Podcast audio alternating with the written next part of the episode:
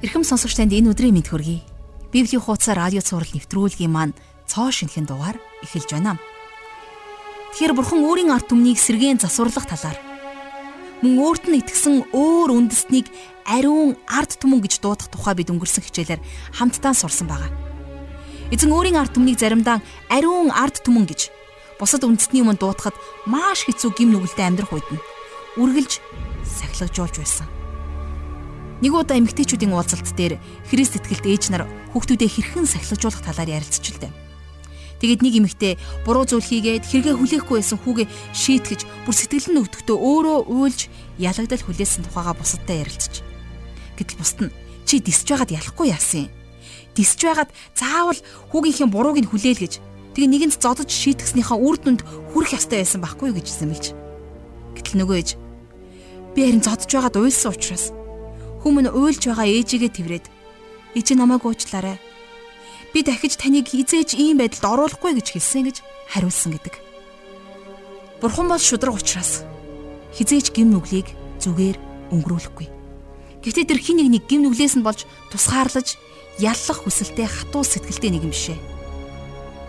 Өнөөдрийн хичээлээ дуустал сонсоод олон зүйлийг ойлгож авна гэдэгт итгэлтэй байна. Хамтдаа эзний өмнө энэ цагийг өргөж залбирцгаая. Бурхан Аава таньда өнөөдрийн төлөө талархал магтаалыг өргөн залбирч байна. Хайр инэрлийн эзэн минь та биднийг өөрийнхөө ард түмэн ариун үндэстэн хаант дахилж гэж дуудсанд баярлалаа аваа. Эзэн бид таны хэлсэн шиг үнэхээр ариун үндэстэн хаант дахилч шиг хувь тавиланг, хувь зохиолыг амьдралын үүрэг хариуцлагыг үүрч зоригтой, тэмүүлэлтэй амьдрахад, дуулууртай амьдрахад аваа та бидэнд туслаач гэж гуйж байна. Эзэн бурхан минь Библийн хуудас радио хичээлээр дамжуулан сонсон цугаа хүнийг болгоныг та ивэж юрөөж өгөөрэй. Исая номын тайлбар болон эдгээр номон дээр бичигдсэн ишлэл зүйлдүүдээр дамжуулан эзэн та бидэнд ирээдүйд хэлэх зүнгийн гайхамшигтай үгсээ бидэнд илчлэн харуулаарай. Мөнхийн эзэн минь таньда талархал магтаалыг өргөж байна. Хур бороо, цас хур тундас газрыг услахгүйгээр газрыг усалж тариачинд үр жимсийг идэгчд талахыг өглгүүгээр буцдгүй шиг. Миний үг тийм байх болно гэж таны үгэн дээр хэлсэн байдаг. Эзэн бурхан минь бидний сайн сайхны төлөө бүхий л зүйлийг ажилуулдаг мөнхийн бурхан минь таньдаа бид ам амьдралаа өргөж танаас бид амар тайван баяр хөөргийг хүсэмжлэн залбирч хичээлийн энэ цагийг танд өргөн залбирanгуйлаа. Амен.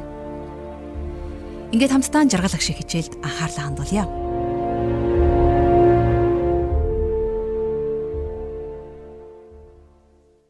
За Исаи номын судлалд өнөөдөр бидэнтэй нэгдсэн сонсогч танд баярлалаа. За та бид сайн мэднэ тийм ээ. Исаи ном маань 66 бүлэгтэй. Тэгэхээр бид хичээлийнхээ төгсгөл рүү ааж мажмаар ойртсоор байна гэсэн үг.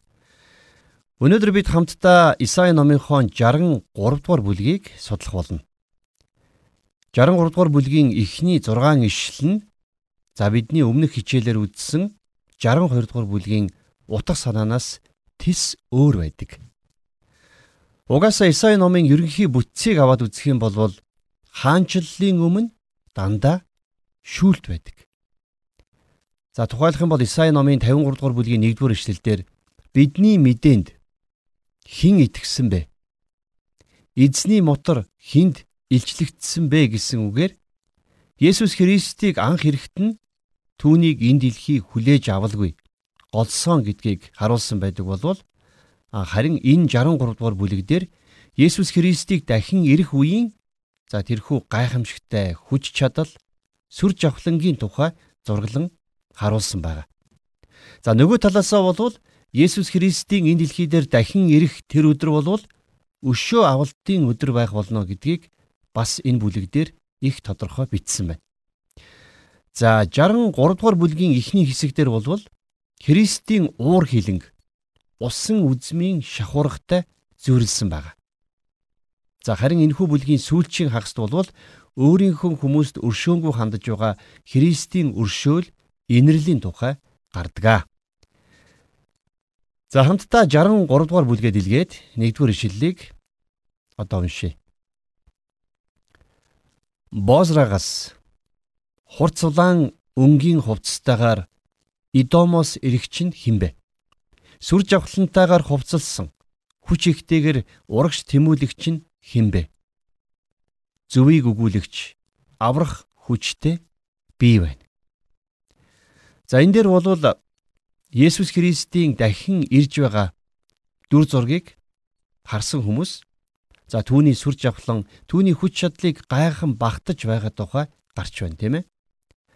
За энэ хүү сүр жавхлантайгаар эрэгч нэгнийг чухам яг хин юм бэ гэж хүмүүс гайхан асуухад Есүс Христ тэднэрт зөвийг өгүүлэгч аврах хүчтэй бий байна гэж хариулах болно гэж энд хэлсэн байна. Их тодорхой байна. За хоёрдугаар ишлэл дээр дээлт нь яагаад улаан хувцст нь яагаад усан үзмийн шахуурга гიშгэгч мэт байна вэ? За энэ бол дараагийн асуулт байсан. Тухайн цаг үед бол хүмүүс усан үзмийг шахаж шүүс гаргаж байхдаа усан үзмийн шахуурган дотор хөл нүцгэн орж зогсоод за тэрхүү шахуургаар шүүсийг шахаж авдаг байсан. За тийм учраас усан үзмийн шахуургаар шүүс шахсан хүмүүсийн хувцсан дандаа мэдээж усан үзмийн шүүс болж будагдсан байдаг байсан. За тэгвэл Исая тэр дүр зургаас жишээ татаж энэ зүйрлэлийг ашиглан ярьсан байна, тийм ээ. Есүс Христийг дахин ирэх үед Түүний сүр жавхлантай хувцас нь цус болсон байгааг үзээд түүнээс ийхүү асуусан тухай энд иш үзүүлсэн баг. А тэгвэл тэдний асуултанд Есүс Христ юу гэж хариулсныг 3 дугаар эшлэлдэр ингэж бичсэн байна. Би ганцаараа усан үзмийн шахуургыг гიშгэхэд ард түмнүүдээс надтай хамт хинч байгаагүй. Уурандаа би тэднийг гიშгэлж, хилгэнсэндээ тэднийг дэвсэлжээ шүүсэн дээл рүү минь үсэрч би бүх хувцсаа бузралчихлаа. За эндээс харах юм бол Есүс Христийн хувцсан дээрх цус нь түүнийх биш харин хүмүүсийнх болохыг хэлсэн байна. Христийн дахин ирэх өдөр бол өшөө авалтын өдөр байх болно гэдгийг та бид нар хизээч мартаж болохгүй. Есүс Христ энэ дэлхий дээр анх удаага ирэхдээ өөрийнхөө цусыг урсгасан. Харин хоёр дахь удаага эрэхтэй тэр өөрийнхөө биш харин хорн муу хүмүүсийн цусыг урсгах болно гэдгийг бид эндээс харж болж байна. За энэ бол Бурхны шүүлтийн аимшигтай дүр зураг байна, тийм ээ. За дараагийн ишлэлдэр Есүс Христ өөрийнхөө шүүлтийн шалтгааныг ингэж хэлсэн байна. Учир нь өшөө авалтын өдөр зүрхэнд минь бөгөөд миний залилтын жил иржээ гэж. Есүс Христ энэ дэлхий дээр дахин ирэх үедээ өөрийн хүмүүсийг хормоо хүмүүсийн дарамт хавчлагнаас үүрд чөлөөлөх болно. За ингэж Есүс хорон муу хүмүүсийг шүнэ гэсэн. За түүний энэхүү шүүлтийг Библиэлд зарим газарт өшөө авалт гэж нэрлсэн байдаг. За 5 дугаар ишлэлдэр намайг харахад туслах хүн нэгч байсангүй. Намайг дэмжих хинч байхгүйд нь би гайхав. Тиймээс өөрийн мутар надад авралыг авчран уур хилэн минь намайг дэмжив. За Есүс Христ 2000 жилийн тэртээд энэ дэлхий дээр анх удаага ирэхдээ авралыг өөрийн биеэр авчирсан тийм ээ. За тэгвэл яг энтэй нэгэн адилаар Есүс бүх хүмүүсийг шудархаар шүүхдээ ч гэсэн бас өөрийн биеэр ганцаараа шүүх болно гэсэн утга саяын 5 дугаар ишлэлдэр гарч байна. Үргэлжлүүлээ 6 дугаар ишлэлдэр би ууранда ард түмнүүдийг гიშгэлж хилгэнсэндээ тэднийг согтоон шүүсийг нь газарт асгасан юм аа. За энэ бол газар дэлхий дээр амьдрагч хорон муу хүмүүсийн төгсгөл. Христ хаан энэ дэлхийд дахин ирэхдээ шүүлттэйгээр ирэх болно. Бид нар энэхүү гашуун үннийг хүлээн зөвшөөрөх ёстой. Яагад гэвэл бид нар хүлээсэн зөвшөөрсөн ч бай, зөвшөөрөөгүй ч бай. Тэр энэ дэлхий дээр дахин ирэхдээ бүх хүмүүсийг шүүхээр ирэх болно. За энэ нь болохоор та бид нар салхи байдаг гэж ярьдагч эсвэл салхи байдгүй гэж бодсон ч салхи дураараа үлээд ихтэй яг адилхан. Есүс Христ энэ дэлхий дээр дахин ирэхдээ хизээч анх ирж байсан шигэ Галилийн багш Назарын мужаан болж ирэхгүй. Тэр сүр жавхлантай хааны дүрээр ирнэ. Харин асуултын гол нь юу вэ гэхлээр та бид нар түүний дахин ирэхэд бэлэн үү? Бид түүнд тайлангаа тавихад бэлэн байгаа юу гэдэг нь та биднээс асуухдах асуулт байх юм аа. Зарим хүмүүс хуучин гэрээн дээр бурхан их харгас байсан. Харин шин гэрэн дээр бол инэрэнгүй зөөлөн болсон мэтэр ойлгодог. Энэ бол буруу. За жишээлх юм бол шин гэрэн дээрх илчил номыг аваад үзье л дээ. Илчил номон дээр бурхны уур хилэн хорон муу хүмүүсийн дээр буух шийтгэлийн талаар үнэхээр шудраг за бас их шулуухан бичсэн байна. За жишээлх юм бол би танд илчил номын 16 дугаар бүлгийн 1-ээс 5 дугаар ишлэгийг одоо уншиж өгье. За энд ингэж бичсэн байна. Сүмээс долоон тэнгэр илчид явх тун Бурхны уур хилэнгийн долоон аягтайг дэлхий дээр асах гэж чанга дуугар хэлхийг би сонсов. Эхнийх нь явж аягтайгаа дэлхий дээр асгахад араатны тэмдэгтэй болон түүний хөрөгт мөргсөн хүмүүст муухай хортой яр гарав. Хоёр дахь нь аягтайгаа тэнгист асглаа. Тэнгис нь үгсэн хүний цус мэт болоход түүн доторх амьд бүхэн үхв. Гурав дахь нь аягтайгаа гол мөрөн болон усны ундрагууд дээр асгасанд тэдгээр нь цус боллоо. Усны тэнгэрэлж өө ариун нэгэн минь та эдгээрийг шүүсэн тул байгаа байсан та зөвхт юм. За тэгэхээр энийг сонсоод эн чинь шудраг биш хэрэг байна шүү дээ. Ийм юм хийдэг бурхан ер нь зөвхт сайн байж чадах уу гэж хин нэг нь бодож болох юм. А тэгвэл би цааш нь уншиж өгье. За 16 дугаар бүлгийн 6-аас 7 дугаар эшлэлдэр Яагаад гэвэл тэд ариун хүмүүс ба иш үзүүлэгчдийн цусыг урсгасан тул та тэдэнд уулгахаар цус өгсөн. Тэднийг ингэвэл зохино гэхийг би сонсов. Тахилын ширээ. Тийм ээ, төгс хүчит эзэн бурхан минь таны шүүлт үнэн бөгөөд зөвхт гэхийг би сонсов гэсэн байна. Тэгэхээр бидний бурхан бол үнэхээр зөвхт за шудраг бурхан. Тийм учраас түүний үйлс бүхэн зөвхт шудраг байдаг. Та бидний юу гэж бодох, юу гэж төсөөлөхөөс үл шалтгаалаад Бурхны үйлс бүхэн зөвхт шудраг байдаг. Орчлон ертөнцийг бүтээсэн агуу Бурхны дэргэд та бидний бодол санаа нарийн давал юу ч бишээ гэдгийг бид нэр өөрсдөө хүлээн зөвшөөрөх ёстой. Харин Бурхны юу гэж айлдаж байгаа нь хамгаас чухал байдаг. Хэрвээ Бурхны бодол санаатай бидний бодол санаа зөржил байгаа бол Бурхны биш харин бидний буруу байна гэсэн үг. Яагад үгээвэл Бурхны үйлс бүхэн зөвхт шудраг. За цааш нь үргэлжлүүлээд Илчилт номын 16 дугаар бүлгийн 8-аас 9-ийг унших юм бол ингэж бичсэн байна. Дөрөвдөх нь аягтайгаа наран дээр асглаа. Хүмүүсийг галаар төөнхийг түүнд зөвшөөрчээ. Хүмүүс шатам халуунаар төөнөгдсөн ч эдгээр гамшгуудыг захирах хэрэгтэй Бурхны нэрийг доромжилж түүнд алдрыг өргий химэн гимшсэнгүй гэж энд бичсэн байна. За энэ бүх гамшигын эцэст хүмүүс бурхан руу эргэхгүй гэдгийг бид нар харж болно тийм ээ. Яг л Египтэд аимшигт гамшигуд болоод байхад фараоны зүрхсэтгэл хатуу хэвээрээ байсан шиг дүр зураг бас энд гарч байна. За тэгээд Илчил номын 16 дугаар бүлгийн 10 дугаар эшлэлдэр ингэж бичсэн байна. Тав дахь нь аягтайгаа араатны синти дээр асгав. Түүний хаанчлал харанхуйлж тэд өвдсөндөө хилээ хазалж зовөр шархнаасаа болж Тэнгэрийн бурхныг доромжлов. Тэд өөрсдийнхөө үйлсэд гимшсэнгүй гэсэн байна. За тэгэхээр миний саяны иш татан уншсан илчил номын эдгээр үгс болвол хуучин гэрээ шин гэрээ хоёр хоорондоо зөрчилддөггүй болохыг баталж байгаа. Хуучин гэрээний бурхан бол ууртай. А харин шин гэрээний бурхан бол хайраар дүүрэн гэж хэлж байгаа хүний үгэнд битгий итэг. Хуучин гэрээж тэр, шин гэрээж тэр. Бурхны хайр доторх хууль, хууль доторх хайрыг харуулдаг. Шүүлт бол үнэхээр аимшигтай. Тэгвэл Есүс Христ энэ дэлхий дээр дахин ирэх үедээ ийхүү шүүлттэйгээр ирэх болно. Бурхан эннийхээ төлөө хинээс ч уучлах байхгүй. Хинээс ч зөвшөөрөл хүсэхгүй.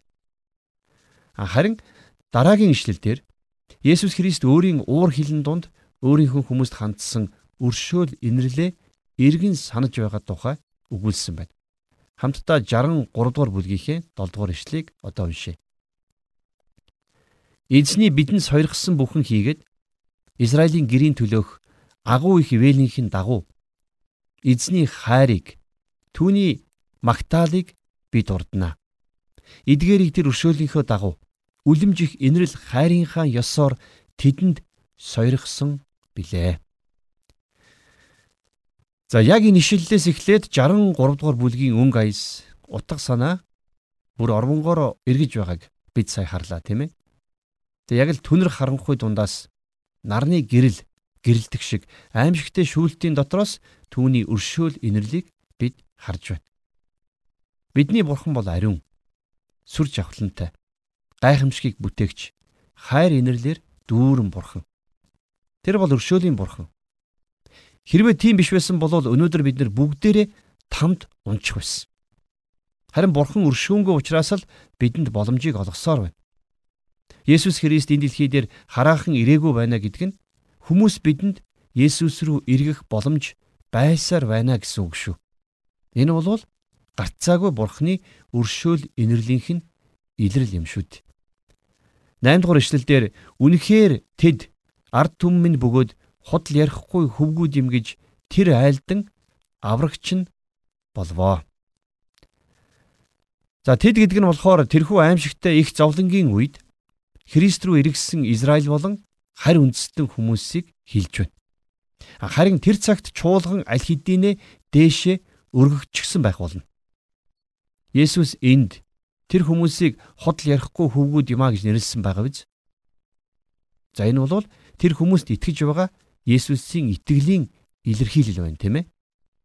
А үнэхээр Есүс өнөөдөр ч гэсэн бидэнд ингэж итгэж найддаг биднийг өөрийнх нь хүслийн дагуу амьдраасаа гэж хүссэн хүлээдгээ гэдгийг та бид нар мартаж болохгүй. 9 дугаар ишлэл. Бүхэл зовлон шаналнд нь тэр шаналсан бөгөөд түүний оршихуйн тэнгэрлэгч тэднийг аварчээ. Хайр, өршөөл дотроо тэр тэднийг золив. Эртний бүхий л өдрүүдэд тэр тэднийг өргөж явсан билээ гэсэн байна. Ямар гайхамшигтай уйрам сайхан үгс вэ, тийм ээ?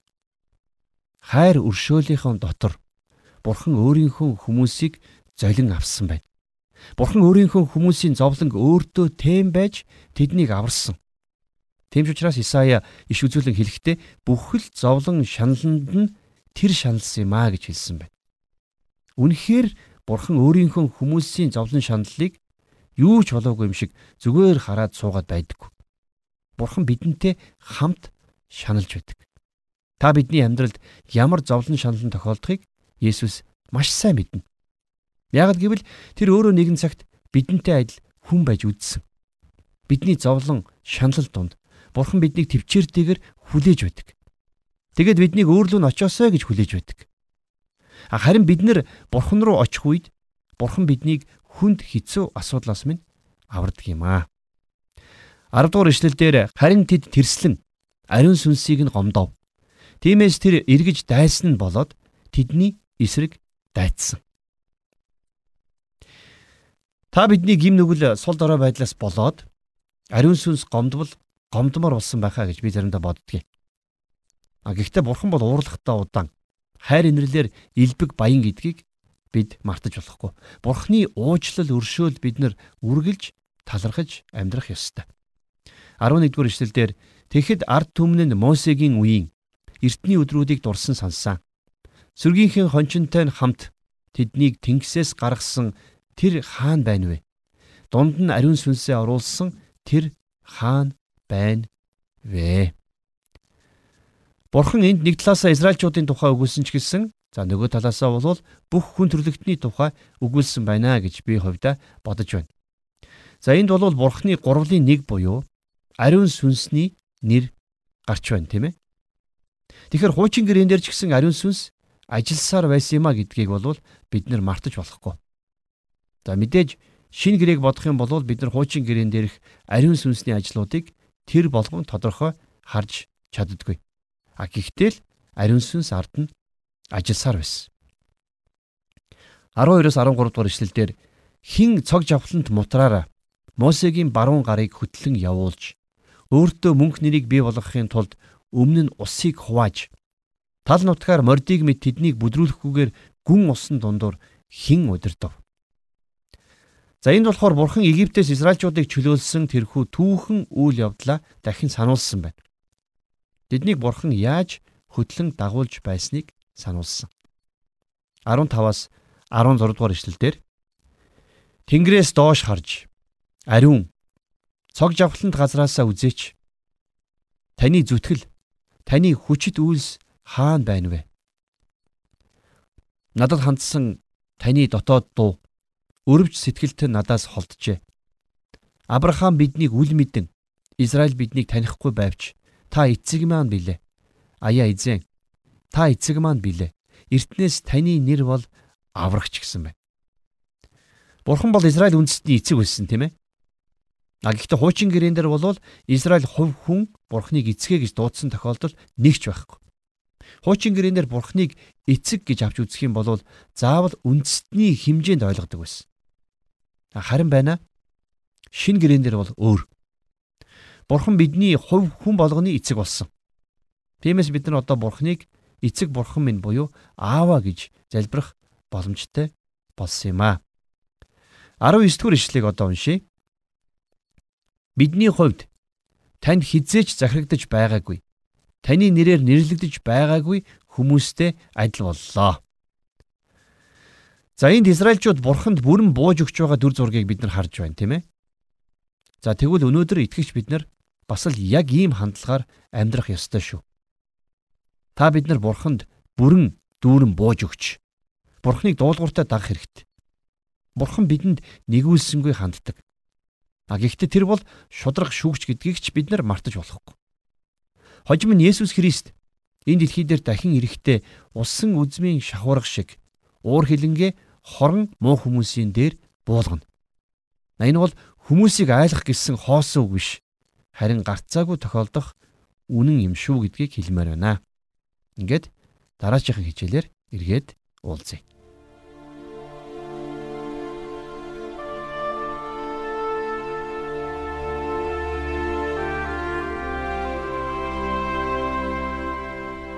Тэгэхээр хичээлийг зааж тайлбарж өгсөн жаргал агштаа баярлалаа. Иесус Христ дахин ирэх тэр үед уур хилэн амсах хүмүүс үнэхээр байгаах. Магадгүй тэр нь бидний нүдэнд илэрхий харагдах хорон муу хүмүүсээс гадна хизээч таамаглаагүй хоёр нүртэй амьдардаг хүмүүс байж болох юм.